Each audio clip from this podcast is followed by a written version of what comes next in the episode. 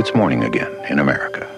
I want to say one thing to the I American make people. this For me, what the networks give a us, few hours ago, networks take it away. this campaign came to an end. President of the United States. I, Joseph Robinette Biden, will not make age an issue as this Senator, you're no campaign. Jack Kennedy. You're likable. I dream of that Okay. This is a bunch of stuff. Look, here's the deal. Hei og velkommen til amerikansk politikk, der Joe Biden er inne i det som omtales som en avgjørende uke for hans agenda. Mitt navn er Are Togo Klatten og jeg er redaktør av amerikanskpolitikk.no. Med meg har jeg kommentator Vårin Alme og Nettavisens Henrik Østensen Heldal. Hallo. Hallo. Hvordan går det? Hvordan går det? Vet ikke. Nei, altså Tidligere episoder så har jeg funnet at man ikke skal stille det spørsmålet, men nå er det jo mer normale tider. Så nå er det jo et spørsmål der man ikke svarer med hjemmekontor og lei av sine egne vegger, skulle man tro. Jeg har, eh, jeg har en filosofi, Are, som er ikke still spørsmål du ikke vil ha svaret på. Og med måten vi har svart på det her tidligere. Neida, ting går bedre. Nå kan vi løfte blikket, se litt mer over til, til USA. Som vi var inne på i siste episode, så skjer det så mye at um, nå er liksom USA-motivasjon tilbake på, på gamle høyder, merker jeg, og det, det er deilig. Godt å høre. Jeg har også sittet i kveld og sett på debatter fra New Jersey og Virginia for å forberede meg til denne episoden, og det var også veldig sånn godt å være i gang igjen der. Det er det få andre som har gjort, så det er bra å høre at du har gjort det. Og Henrik, eh, vi kunne jo ikke ta opp noen episode i, i forrige uke av naturlige årsaker. Jeg, jeg håper du snart har uh, landa etter eh, en opplevelse mot, eh, mot Roma. Jeg er fortsatt høyt oppe Are, og ingen planer for å gå inn for landing ennå. Nei, vi skulle ta opp i forrige uke, da var jeg i, i Bodø. Var på Aspmyra med min far, og så Glimt knus Roma, og det var et stort øyeblikk. Vi, eh, vi lever på den en god stund. Nå er det bare ei uke til jeg tar flyet ned til Roma for å se bortekampen til, til Glimt. Oi, oi. Nå fikk jeg liksom et bilde av Henrik på flyet hjem som bare smilte hele veien. Jeg smiler meg aldri borte. Landa litt på Marienlyst der mot Strømsgodset, men det trenger vi ikke å snakke om. eh, Nei, det trenger vi, det trenger vi desidert ikke. Blir sikkert å lande knallhardt mot Molde denne uka i seriefinalen. På. Yes. Nei, vi skal snakke om eh, en sak som har vært splittende i flere tiår, og som har vært brukt i valgkampsammenheng av begge partier, også i flere tiår, nemlig abortsaken. Vi var inne på det i forrige episode med lovendringen i Texas, eh, hvor sjokkerende det har vært eh, for mange, og hvordan den går på tvers av eh, Roe v. Wade, som da fjerna delstatsrestriksjoner mot abort i 1973, og nå er da abortkampen tilbake for fullt, og Høyesterett skal ta opp den saken. Så er det som blir hovedtema i dag. Jeg tenkte jeg kan starte først litt synsing rundt hva dere tenker om eh, spekulasjoner rundt at Joe Manchin, senatoren fra West Virginia, kan komme til å forlate Det demokratiske partiet og bli uavhengig. Hva tror dere? Altså, det må jo være en sånn type lekka taktikk. Lekka trussel for, som del av en taktikk. Ja, men Er det han som har lekka det, eller er det spekulasjoner fra hans eh, motstandere? Det er det som er spørsmålet. Han vil Noen vil hjelpe ham ved den lekkelsen, eller lekkasjen, tror jeg. ja, Men han er jo aldri mektigere enn hvis han er den 50. senatoren som sitter på flertallet som han er nå. Det, han vil jo fortsatt sitte på det. Særlig hvis man er redd for at han slutter å være det. Ja, jeg tror ikke det blir noe lettere for ham hvis han ikke er med i Det demokratiske partiet. Han skal nok slite veldig med å vinne gjenvalg om eh, en del år i, i West Virginia. Så jeg, jeg klarer ikke å se helt logikken i at han, i at han gjør det, rett og slett. Um, I så fall må det jo være en tom trussel. Da må han jo, da må han jo ikke faktisk mene at han vil forlate partiet. Heller true om det. Nei, det lukter litt, uh, litt spill av det. At uh, man i det man driver og diskuterer disse ulike uh, pakkene og forslagene, der Manchin er en helt avgjørende stemme, og han kanskje da ikke får det helt som han vil, så, så blir det snakk om at han kan komme til å forlate partiet. Det er jo mange demokrater som mener at han egentlig ikke er en demokrat, men de bør jo være glade for at han er det, i det visste. han får jo masse som han vil i alle de her pakkene, vil jeg si. Han, han drar det jo ned i størrelse og omfang uh, regelmessig. Det samme har han gjort på klimapolitikk nå, der uh, han får gjennomslag for å, å, å svekke den klimaplanen Biden vil ha gjennom før toppmøtet i, i Glasgow, med at uh, ikke, man ikke skal bli straffa i form av høyere avgifter hvis man driver med kullutvinning, som man gjør i hans delstat. Så mens vi tar opp det her eh, tirsdag kveld, så er det fortsatt debatt og tautrekking, og vi kommer tilbake til det neste uke med hvordan det går da med, både infrastrukturpakke og denne såkalte reconciliation bill, med mer sånn eh, soft infrastructure, som de, som de sier. Eh, da får vi vite mer hvordan det går for Biden. Men abortsaken Høyesterett. Først, Henrik, litt om, eh, litt om status i Høyesterett, og hvorfor da eh, de som støtter retten til selvbestemt abort, er nervøse for hva Høyesterett kan komme til å gjøre? Ja, det er jo fordi at, uh, at Trump fikk inn tre nye høyesterettsdommere, som gjør at det er seks konservative og tre som er oppnevnt av, av presidenter på den amerikanske venstresida. Det gjør jo at det, det, er en mer konservativ høyesterett enn sammensetning av Høyesterett enn det har vært på, på 100 år omtrent. Så det betyr jo at det er nye muligheter for abortmotstandere i, i USA. og Delstatene, flere av de konservative, har jo, har jo sett sin snitt her til å sette inn noen, eh, noen veldig restriktive abortlover som eh, som har eh, to fordeler for de. Det ene er jo at de får eh, mer restriktive abortlover i sine delstater, de her abortmotstanderne. Og det andre er jo at de potensielt får utfordra eh, den dommen eller kjennelsen som er sånn heter Roe v. Wade, som jo er da den som beskytter retten til, til selvbestemt abort i USA. Det har jo aldri vært noe abortforlik eller eller lov, nasjonalt lovfesta abortrett rett i, i, USA. Det er jo den høyesterettsdommen det henger på. Og der er vi nå, Are. Nå venter vi på noen eh, kritiske avgjørelser fra Høyesterett på abort. Ja. Og for de som har lyst til å lære enda mer om Roe v. Wade, så må vi jo reklamere litt for at uh, Are skrev masteroppgave i sin tid om nettopp den. Da var fokuset på eh, republikanske partiplattformer og presidentkandidater. Eh, på framing da, av abort og hvordan de nærma seg partiplattformens uh, standpunkt tilsynelatende Eh, idet de bestemte seg for å stille som presidentkandidater. og det henger jo litt sammen med det jeg nevnte i stad, med at det er brukt i valgkampsammenheng.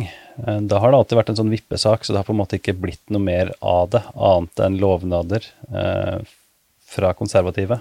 Men nå har man da, med Trump og de endringene man har sett, plutselig kommet et, eh, et steg videre, da. Og nå skal Høyesterett altså da 1.11. ta tak i og, og, se nærmere på denne SB8, Senate Bill 8-loven fra, fra, Texas. Ja, og det er jo da den loven som, eh, som gjør det ulovlig eh, med abort etter uke seks. Uh, og som har masse finurligheter knyttet til seg, som bl.a. gjør um, gjør det umulig for offentlige tjenestemenn å håndheve loven, og, og skyver den oppgaven over til uh, sivile. Um, som da basically insentiveres for å da saksøke alle som eventuelt har med å gjøre en abortsak som er da i strid med denne nye veldig, veldig, veldig strenge loven. Uh, og så valgte jo da Høyesterett å ikke um, se på en, en, sak som utfordrer denne her, i september. Uh, men nå har de altså uh, sagt ja til å se på um, en utfordring som kom da fra Justisdepartementet, hvis jeg ikke tar helt feil.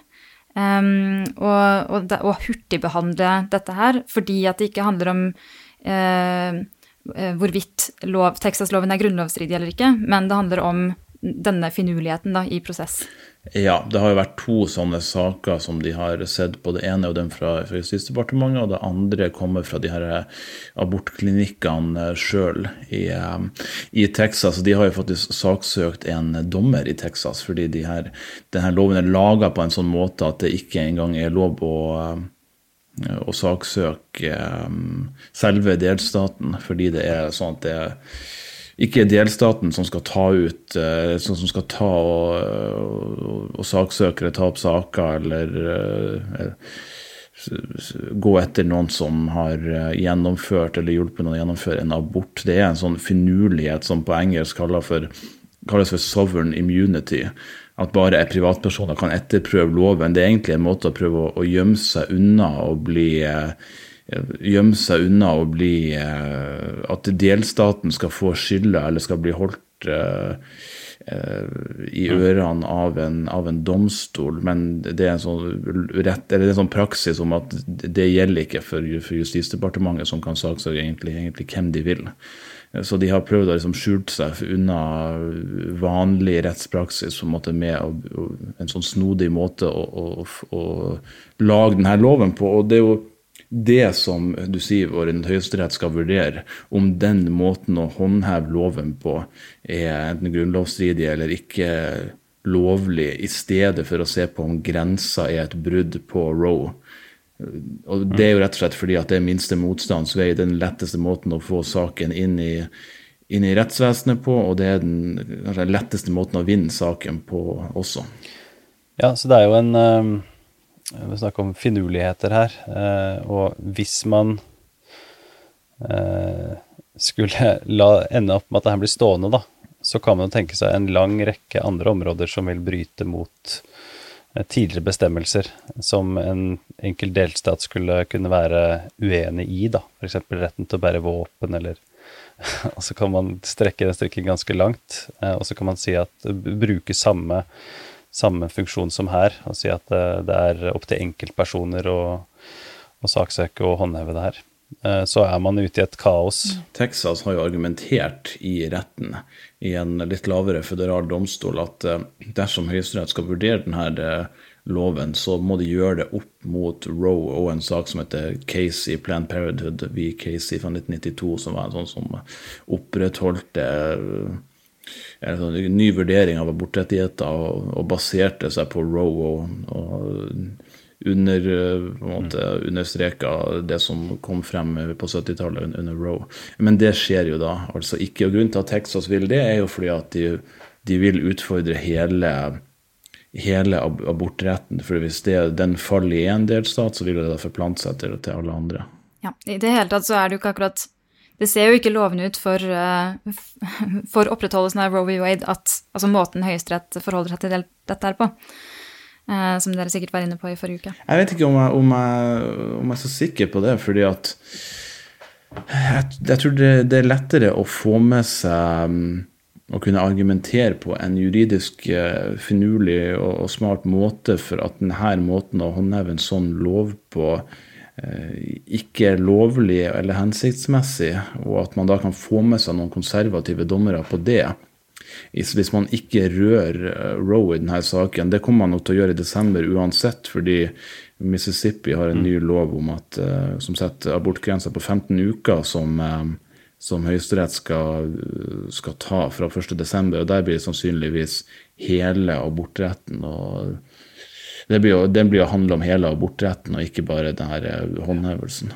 Nei, så altså, de som uh, de som støtter selvbestemt abort, har jo vært uh, har grunn til å være litt urolig for hvorfor uh, Høyesterett lot den loven i Texas uh, være helt fram til nå.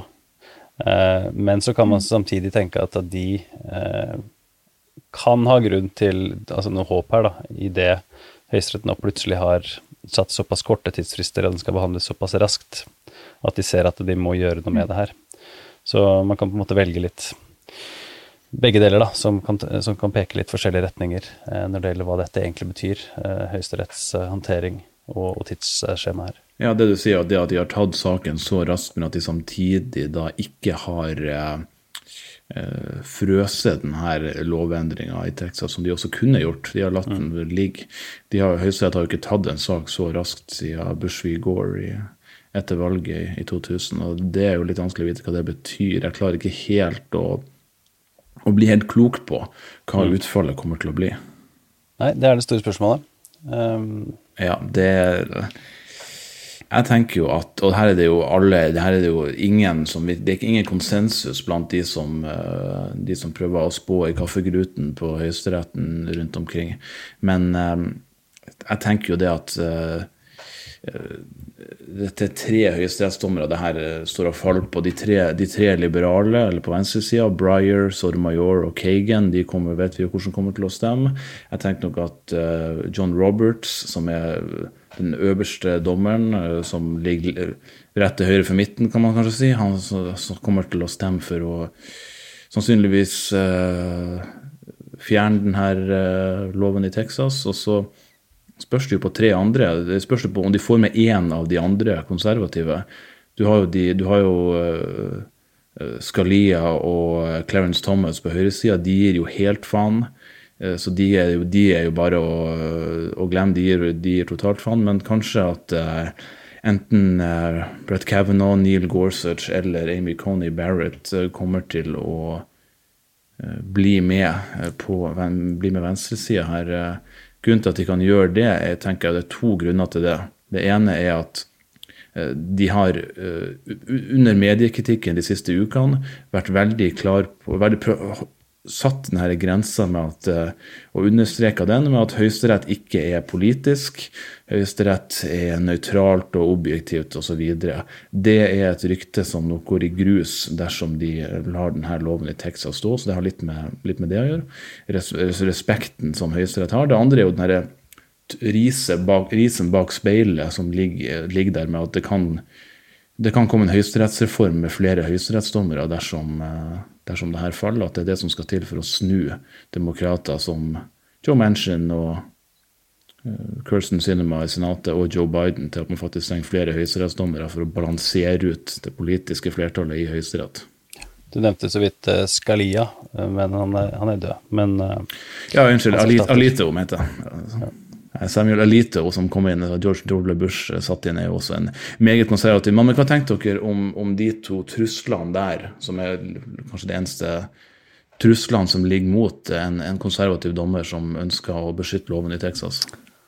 Nei, det er den kaffegryten, altså. Ehm, jeg er veldig, veldig usikker på, på utfallet her, men jeg, de finurlighetene som, som, vi har vært inne på, som er benytta, hvis vi ser bort fra, fra vårt saken her. Jeg skulle tro eh, det ikke blir stående av den grunn. At dersom det er greit, så vil jeg tro det kan få noen ringvirkninger som, som de vil se store problemer med da, på, på andre områder. At hvis noe er ulovlig, så er det delstaten sjøl som burde håndheve det. Det burde ikke være opp til eh, privatpersoner, f.eks. Ja, noen må kunne Men, saksøkes eller altså stilles til, til rett her. Altså du For eksempel, det er jo, de har jo prøvd seg, da, eh, Justisdepartementet. Eh, uten at det har uh, fungert foreløpig.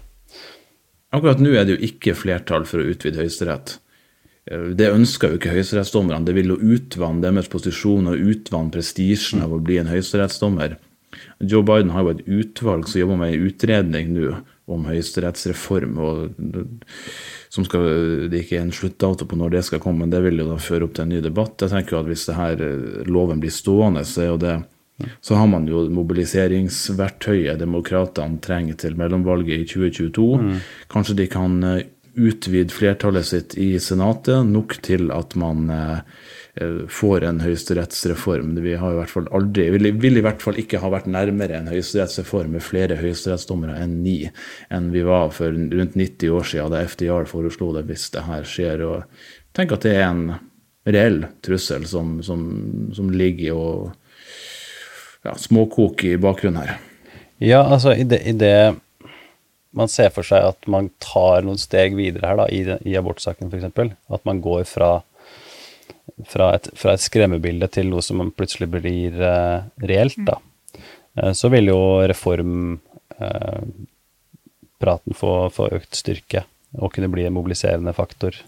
på samme måten som man nå har snakk om, om å fjerne fjerne filibuster f.eks. i Senatet, idet man ser at uh, selv om demokratene har akkurat har flertall, uh, så er det utrolig vanskelig å få til uh, noe som helst, fordi alle republikanere er imot sånn i utgangspunktet. Og så er det noen få mektige senatorer, men det er jo nok en gang utfordringen at de demokratene som, som, nå har blitt mektige, som er på, på vippen, de er imot en, en filibuster-reform.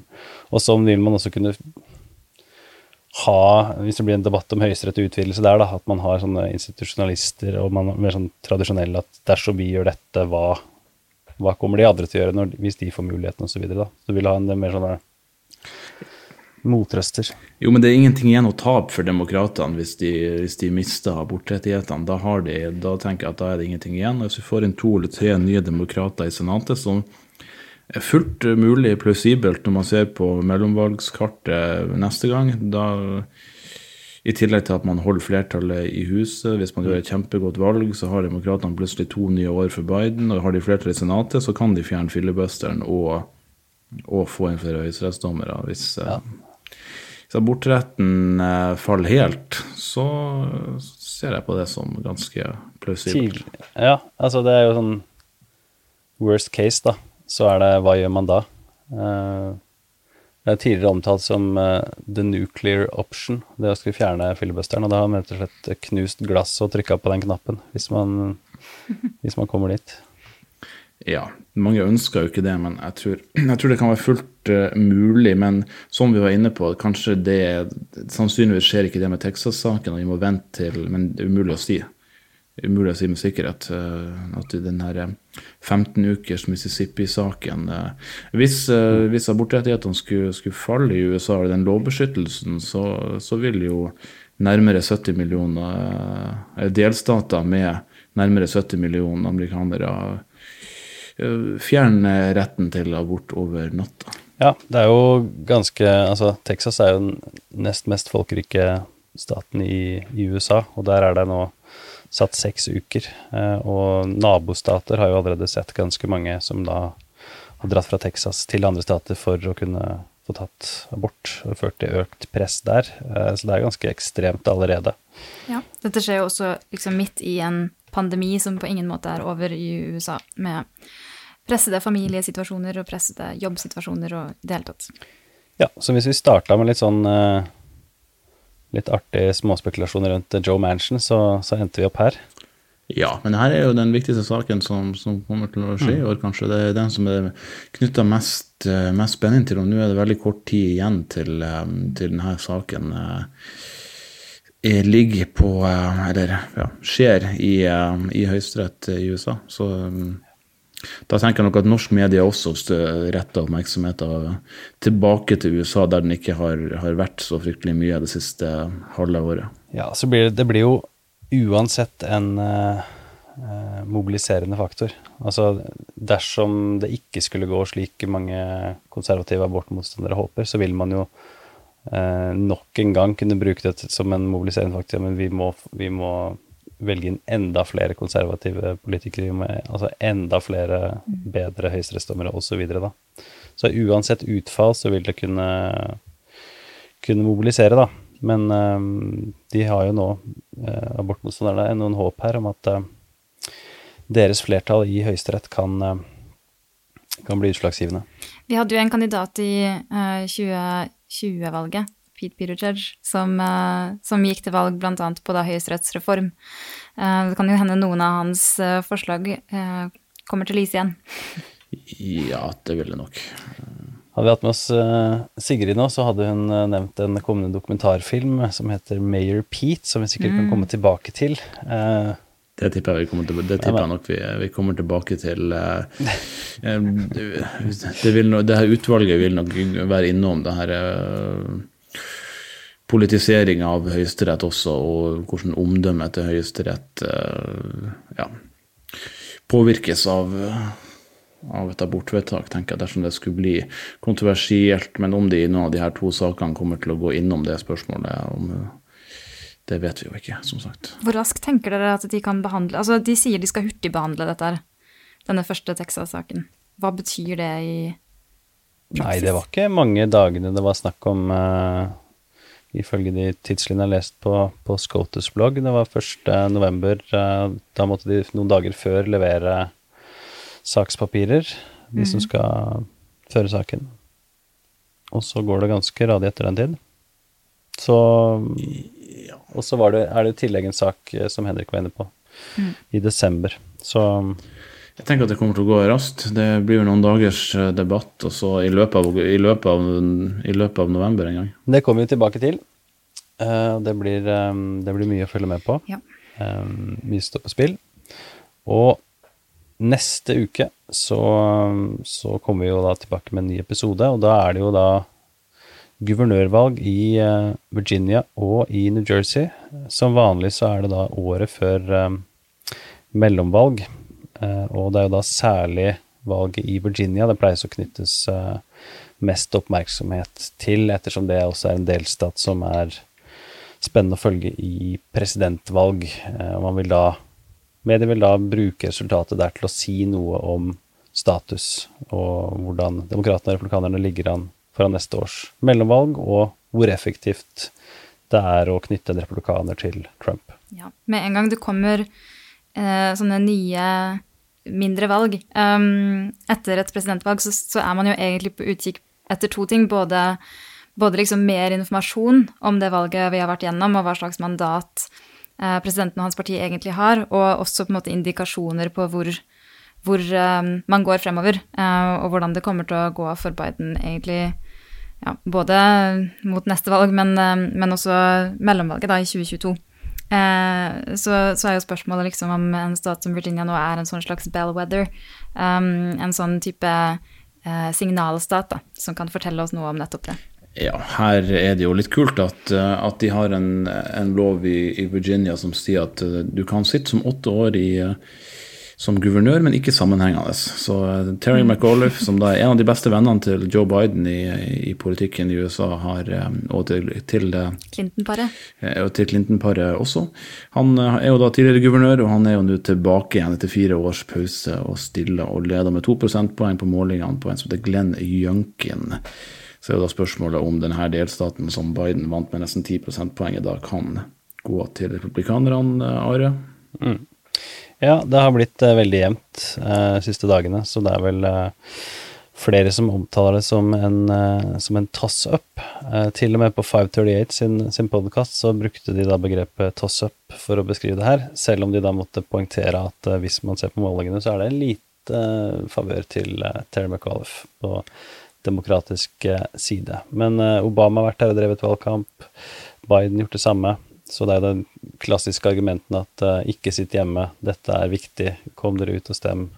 Viktigere enn noen gang, mm. osv. Så videre. så, men det kommer da til å bli brukt, i hvert fall, uansett utfall, uh, til å si noe om uh, status for neste års mellomvalg det er jo et veldig dårlig tegn for demokratene. Og sier jo litt om at de ikke er superpopulære superpopulær akkurat nå, når de i en delstat som Virginia, som de har gjort det meget godt i, og vunnet over ti valg på delstatsnivå på rad, tror jeg, rundt 12, 12 eller 13, tror jeg, så har de ikke klart å, ja, å sikre seg det her før valgdatoen, som da er tirsdag i neste uke, med, med en trygg ledelse. Men eh, det samme på, det samme skjedde jo for fire år siden, at uh, Ralph Northam leda med en 3 prosentpoeng, og så endte han opp med å vinne med nesten 10. Uh, og alle trodde at uh, det ble veldig jevnt i Virginia, og at Virginia kanskje var en svingstat igjen, men det var det jo ikke. og jeg klarer ikke å se at det har skjedd så store endringer fra i fjor høst til nå, til å tilsi at tilsi at, at demokratene skal klare å tape i Virginia. Men samtidig så pleier det jo å være um, Altså, så, så, vidt jeg vet, da, så pleier det jo å på en måte gå mot den sittende presidenten. Uh, den eneste som vel uh, har gått mot det, er vel nettopp Terry McAuliffe ved forrige valg. Mm. Um, som i seg selv er et, for så vidt et godt tegn for ham. Um, men sånn sett så må man jo på en måte ta det med en klype salt, akkurat dette her, hvorvidt det faktisk signaliserer noe om, om veien videre, da. Jo da, men dersom, eh, dersom uh, McAuliffe faktisk vinner med to prosentpoeng, så, jo, så, har det jo gått mot demokratene med sju prosentpoeng siden valget for fire år siden. Så da betyr det jo at det er demokratisk president, og det har svinga ganske mye. Men at det skal svinge over ni prosentpoeng fra fire år siden og gå til republikanerne, det tror jeg er for mye. Eh, fordelen til republikanerne er jo at de har denne eh, kandidaten Glenn Youngkin, som er en forretningsmann og næringsdrivende som ikke har eh, innehatt et politisk verv før. Så derfor har, de jo, har han jo ingen historikk han kan knyttes til med upopulære valg tidligere i karrieren.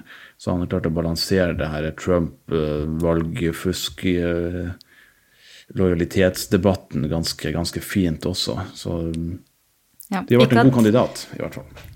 Ikke at det eh, med manglende politisk historikk har eh, fått Terry McAuliffe til å holde tilbake igjen angrepene, for det var rimelig, rimelig høy temperatur i den eh, debatten jeg nettopp så. Ja, hvordan var det? Nei, det var gøy. Eh, Det var på en måte to kandidater som, som De var åpenbart preget av å være eh, i et nasjonalisert valg, da. Eh, der hovedkonkurransen var å, å vinne i hvem som var minst ekstrem. Eh, så dette er jo på en måte uh, en litt annen type debatt enn den vi f.eks. så i Georgia med radical liberal uh, Warnock osv. Her var det hele tiden 'he's the extreme one', no, he's the extreme one. og liksom, Visstnok er Terry McAuliffe den mest ekstreme abortkrigeren i USA. Og, Ja. Så, så det var var jo på en måte Uh, en, en sånn noe som preget debatten, og så var den jo sterkt preget av eh, pandemien, da. Og det, nå så jeg jo både eh, New Jersey-debatt og, Virginia-debatt, og begge åpnet altså med mask mandates og vaksinekrav og pandemi.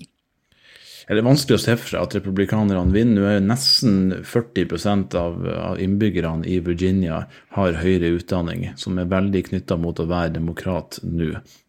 Det er jo fordi at, eh, fordi at det har vært en enorm befolkningsvekst i helt nord i Virginia utenfor Washington DC, pluss at en del folk der, derifra har snudd, og sånne høyere utdanna folk som har bytta over de siste årene til å bli demokrater. og Det er jo så store befolkningstall der at de, de nesten dominerer i delstaten nå. Så jeg skal bli ganske overraska hvis, hvis Junkin eh, vinner det her. Men superdårlig tegn for demokratene hvis det skjer. Herregud, det er jo nesten krise.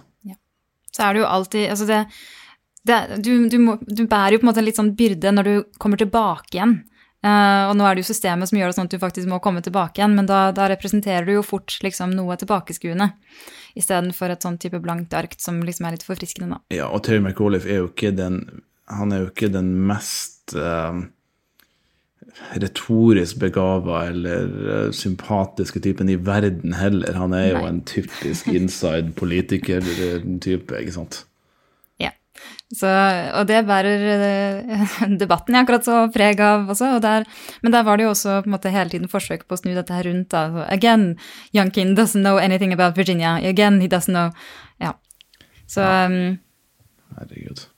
Er jo en intellektuell fornærmelse å se noen av de der debattene for innbyggerne i de delstatene, altså. Men uh, underholdning er det i hvert fall.